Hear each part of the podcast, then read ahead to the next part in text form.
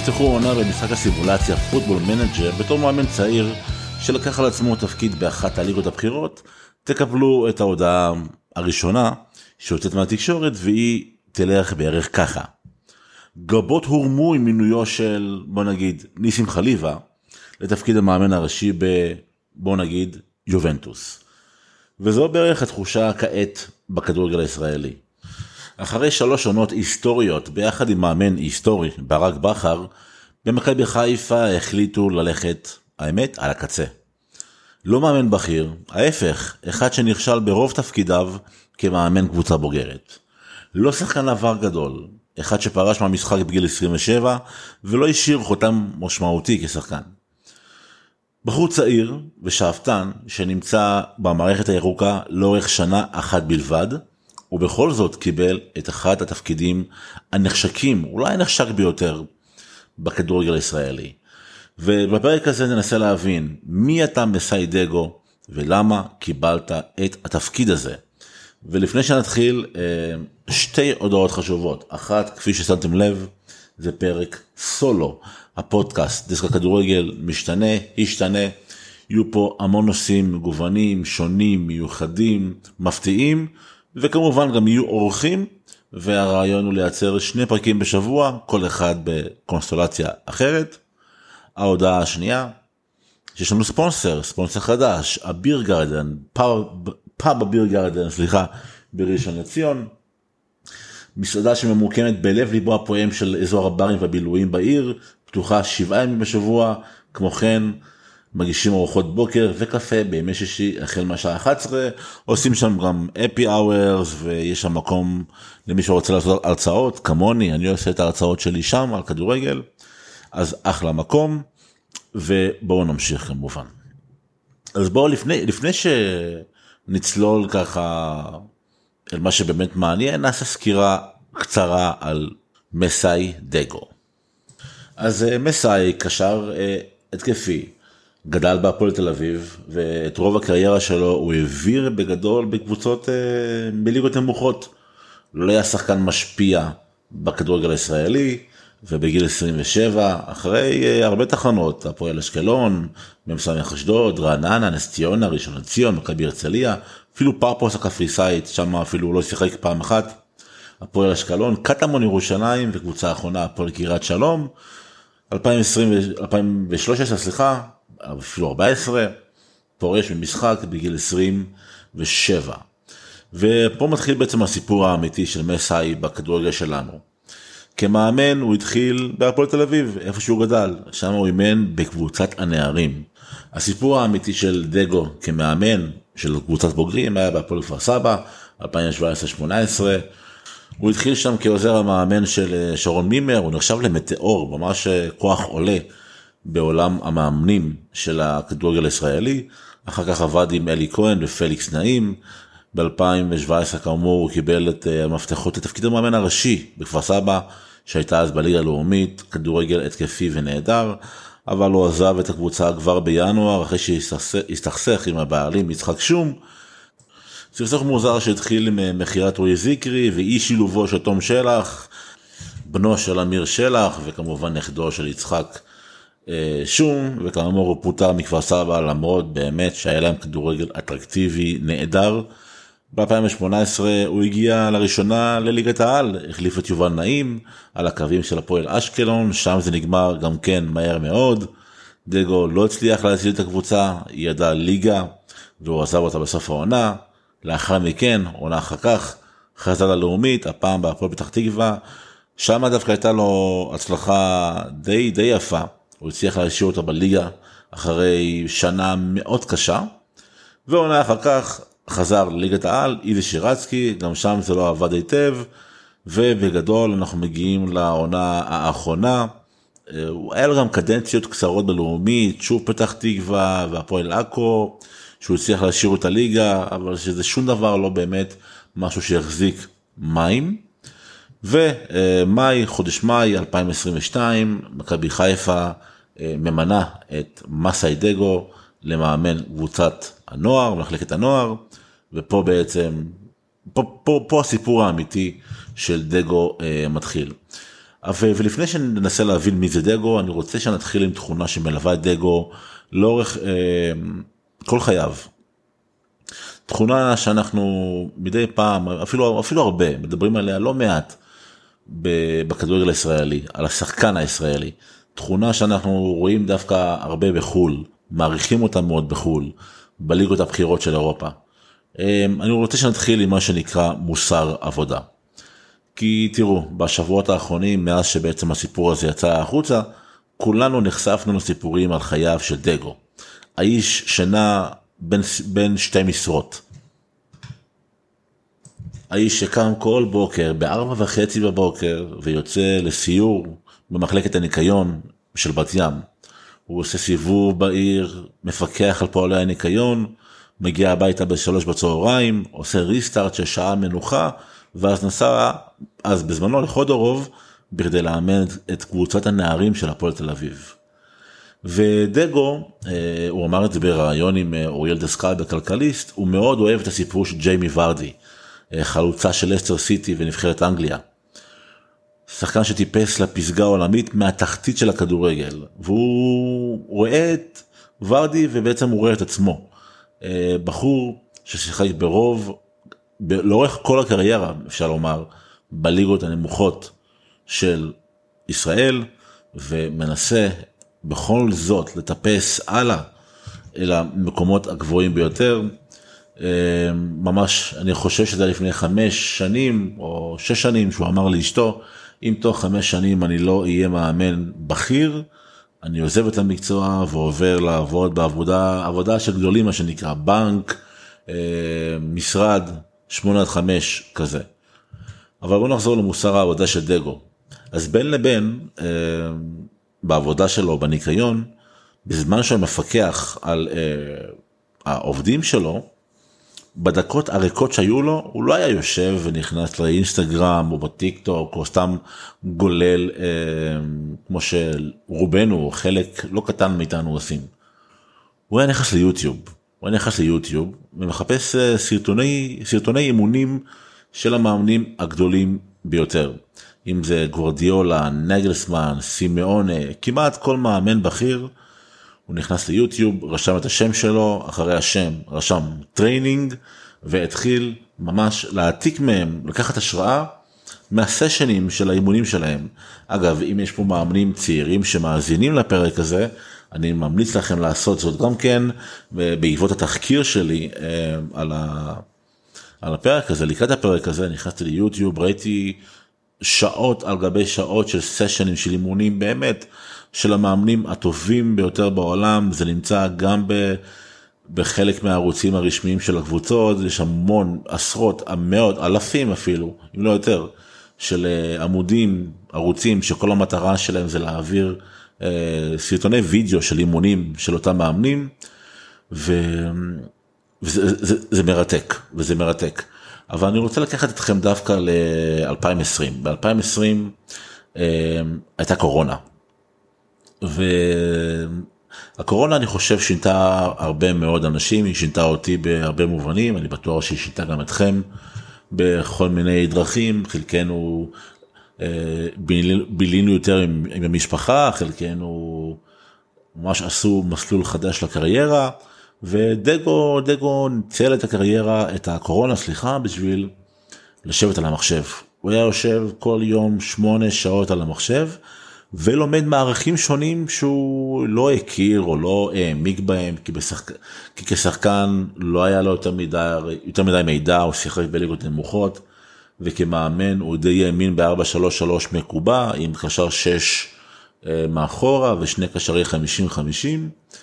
אבל הוא הרגיש לפעמים שזה תוקע אותו והוא רוצה ללמוד מערכים חדשים והוא התחיל אה, לחקור את מה שאנחנו אוהבים לקרוא לו 4231 או 451 שזה בעצם משחק עם 6 אחורי 8 יותר קדמי ו10 שיותר קרוב לחלוץ.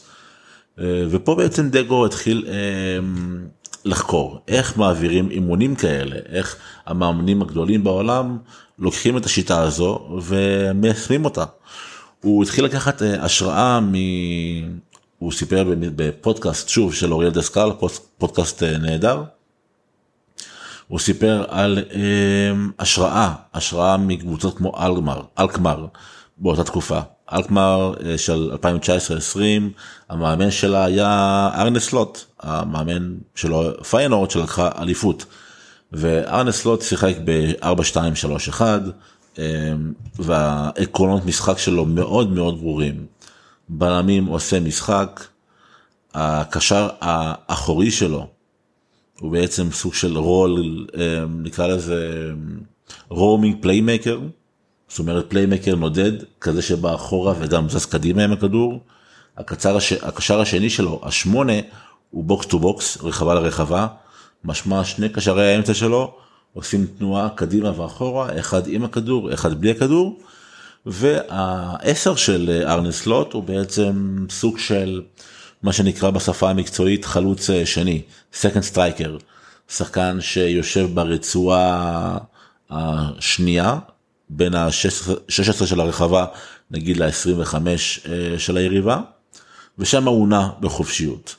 הקבוצה השנייה שדייגו לקח ממנה השראה זה ססואלו של דזרבי בזמנו. דזרבי אגב זה אחד המאמנים שאני יותר יותר מעריך בעולם ודזרבי דזרבי מדהים. דזרבי עושה משהו מאוד דומה לארנס לוט הוא משחק בעצם עם שני חלוצים שאחד מהם הוא קשר התקפי לכאורה והשני חלוץ רחבה אבל שניהם תמיד זזים בצורה כמעט סיסטמטית אחורה וקדימה מה שהופך לפעמים את אה, את אה, ברייטון שלו לשחק במעין 4-2-4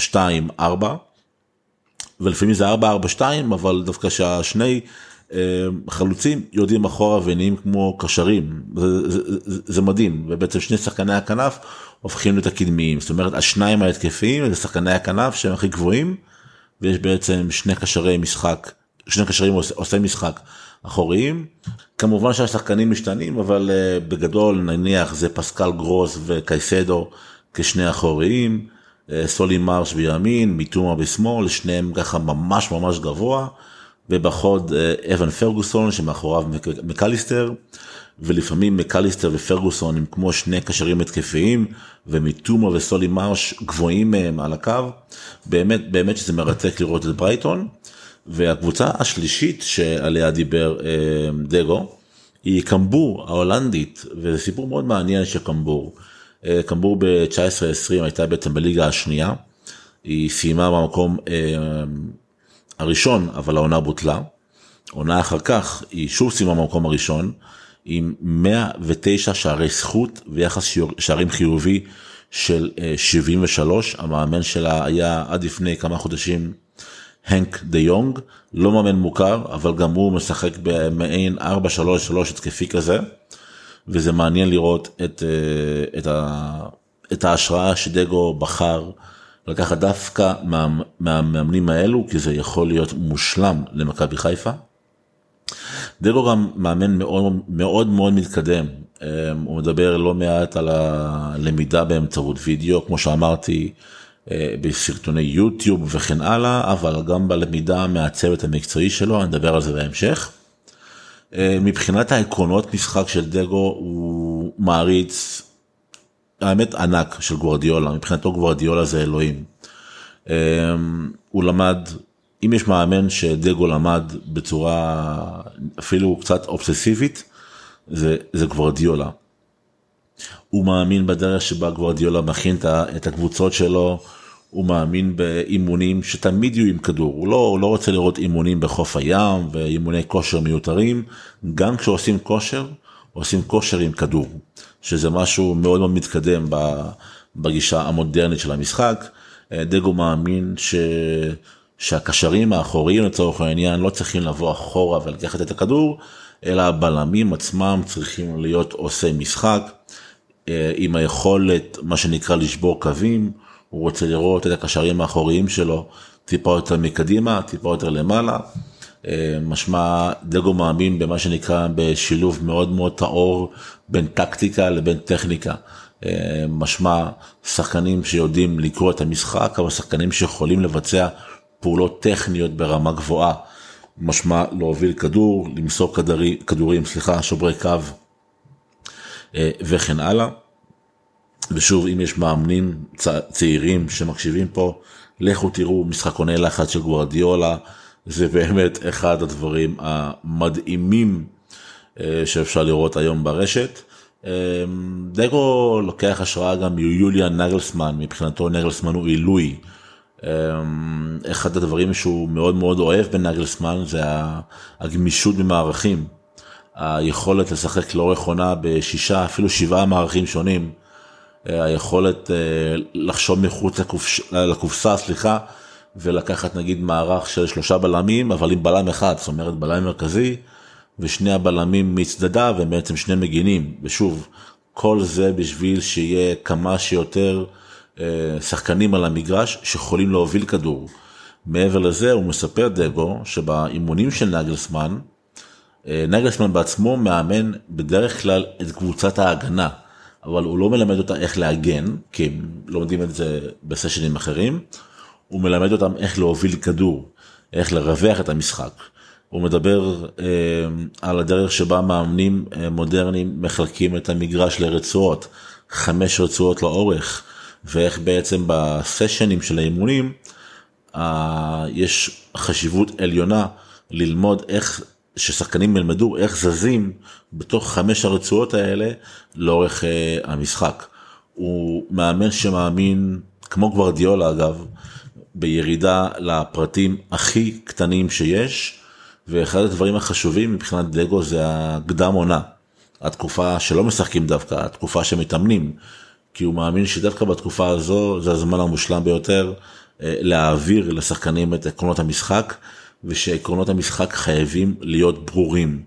ומכל מה שלמדתי על דגו, אה, אני מניח שנראה מכבי חיפה מאוד מתודית, מאוד שיטתית. אמ, קבוצה שמאוד אוהבת את הכדור, קבוצה שמשחקת עם המון שחקנים טכניים, קבוצה די דומה לזו של השנה למען האמת, אני מאמין שגל אלברמן זיהה את האלמנטים שקיימים בברק בכר אצל מסאי דגו, אה, ולכן הוא נתן לו את המשרה הזו, וזה מעניין מאוד לראות איך דגו לומד כל הזמן, כששומעים את דגו מדבר, הוא גם מדבר על הפן המנטלי, על, על הדרך שבה הוא מחפש תמיד אה, דרכים לשפר את התקשורת שלו מול השחקנים, בשביל להעביר מסרים טובים יותר. ולגבי הצוות, אה, מבחינת דגו, מסאי דגו, הדבר הכי חשוב, הכלי החשוב ביותר, לא כלי טוב, הכלי החשוב ביותר לכל מאמן, זה צוות אימון רחב. הוא מדבר פה על אה, לייפציג לדוגמה, שמשחקת, אה, סליחה, מתאמנת עם שמונה מאמנים על המגרש. יש שמונה אנשי מקצוע שמטפלים בקבוצה, מנחים את הקבוצה, הכל כמובן בניהולו של אה, המאמן הראשי. אבל דגו בדיוק כמו, כמו בכר, בכר הגיע לאן שהוא הגיע בקריירה והגיע עוד רחוק אני בטוח, בזכות צוות האימון האיכותי שלו זה אחד, ושתיים שזה חשוב לא פחות, היכולת שלו להאציל סמכויות, לא לקחת הכל אליו, לא להיות ריכוזי. ואני חושב אגב זו למה הסיבה שרן בן שמעון שהיה שם אה, בדיבורים על אה, להחליף את בכר לא מונה כי רן בן שמעון באופי שלו מאוד ריכוזי.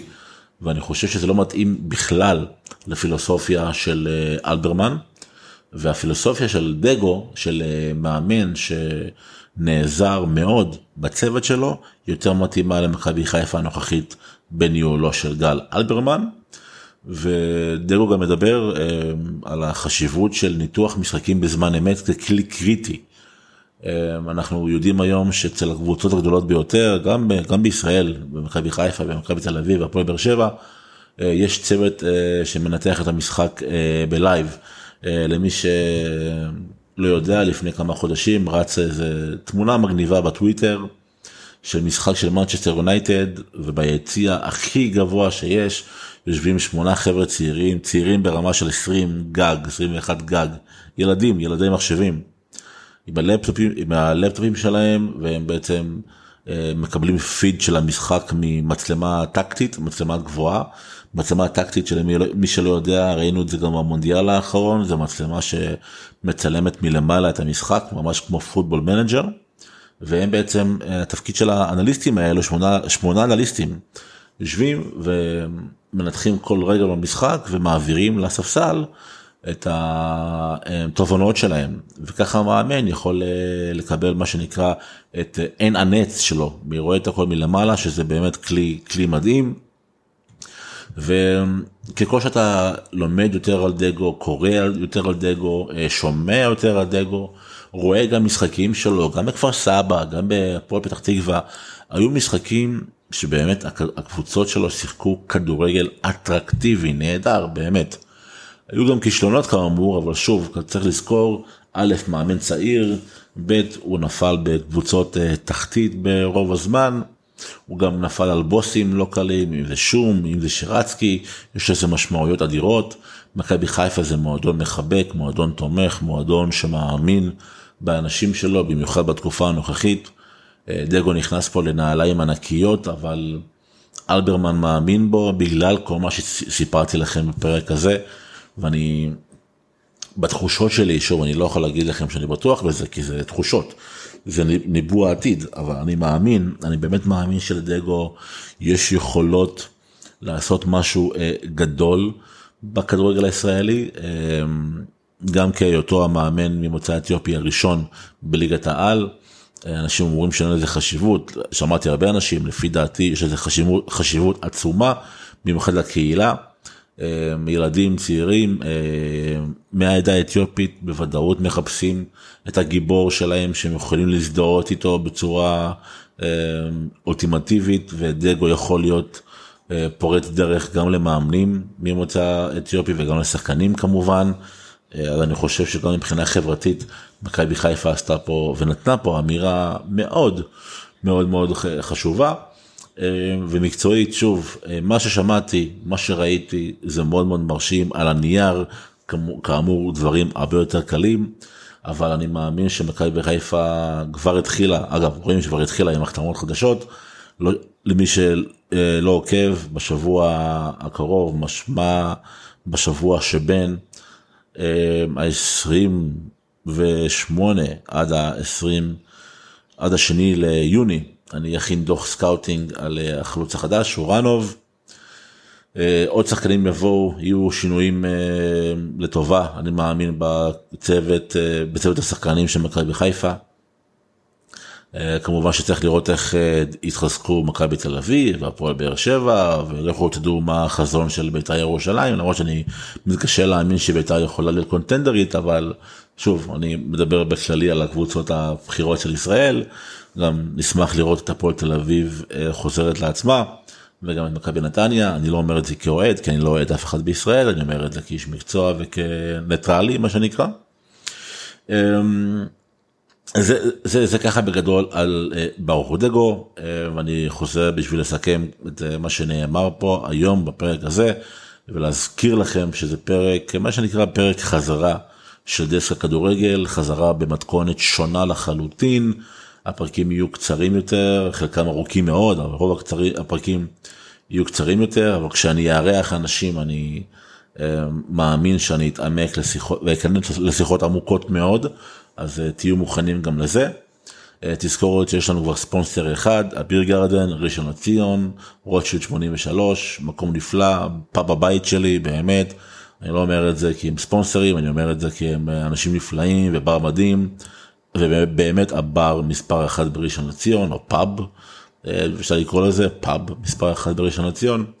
ולהזכיר לכם שיש עוד הרבה רצועות פרסום אה, פנויות אם אתם מאזינים לפרק הזה ואתם רוצים לקחת חלק בתנועה הזו שנקראת דיסק הכדורגל תקבלו אזכור גם פה בפודקאסט כמובן גם בשאר הרשתות אה, ויש לא מעט. אז אתם מוזמנים לפנות אליי דרך אה, פייסבוק, וואטסאפ, אה, you name it, לא בעיה להגיע אליי. ותודה לכם, תודה לכם שהאזנתם ל-25 דקות של פרק אה, החזרה של דסק הכדורגל, ואנחנו נשתמע בפרק הבא. יאללה ביי.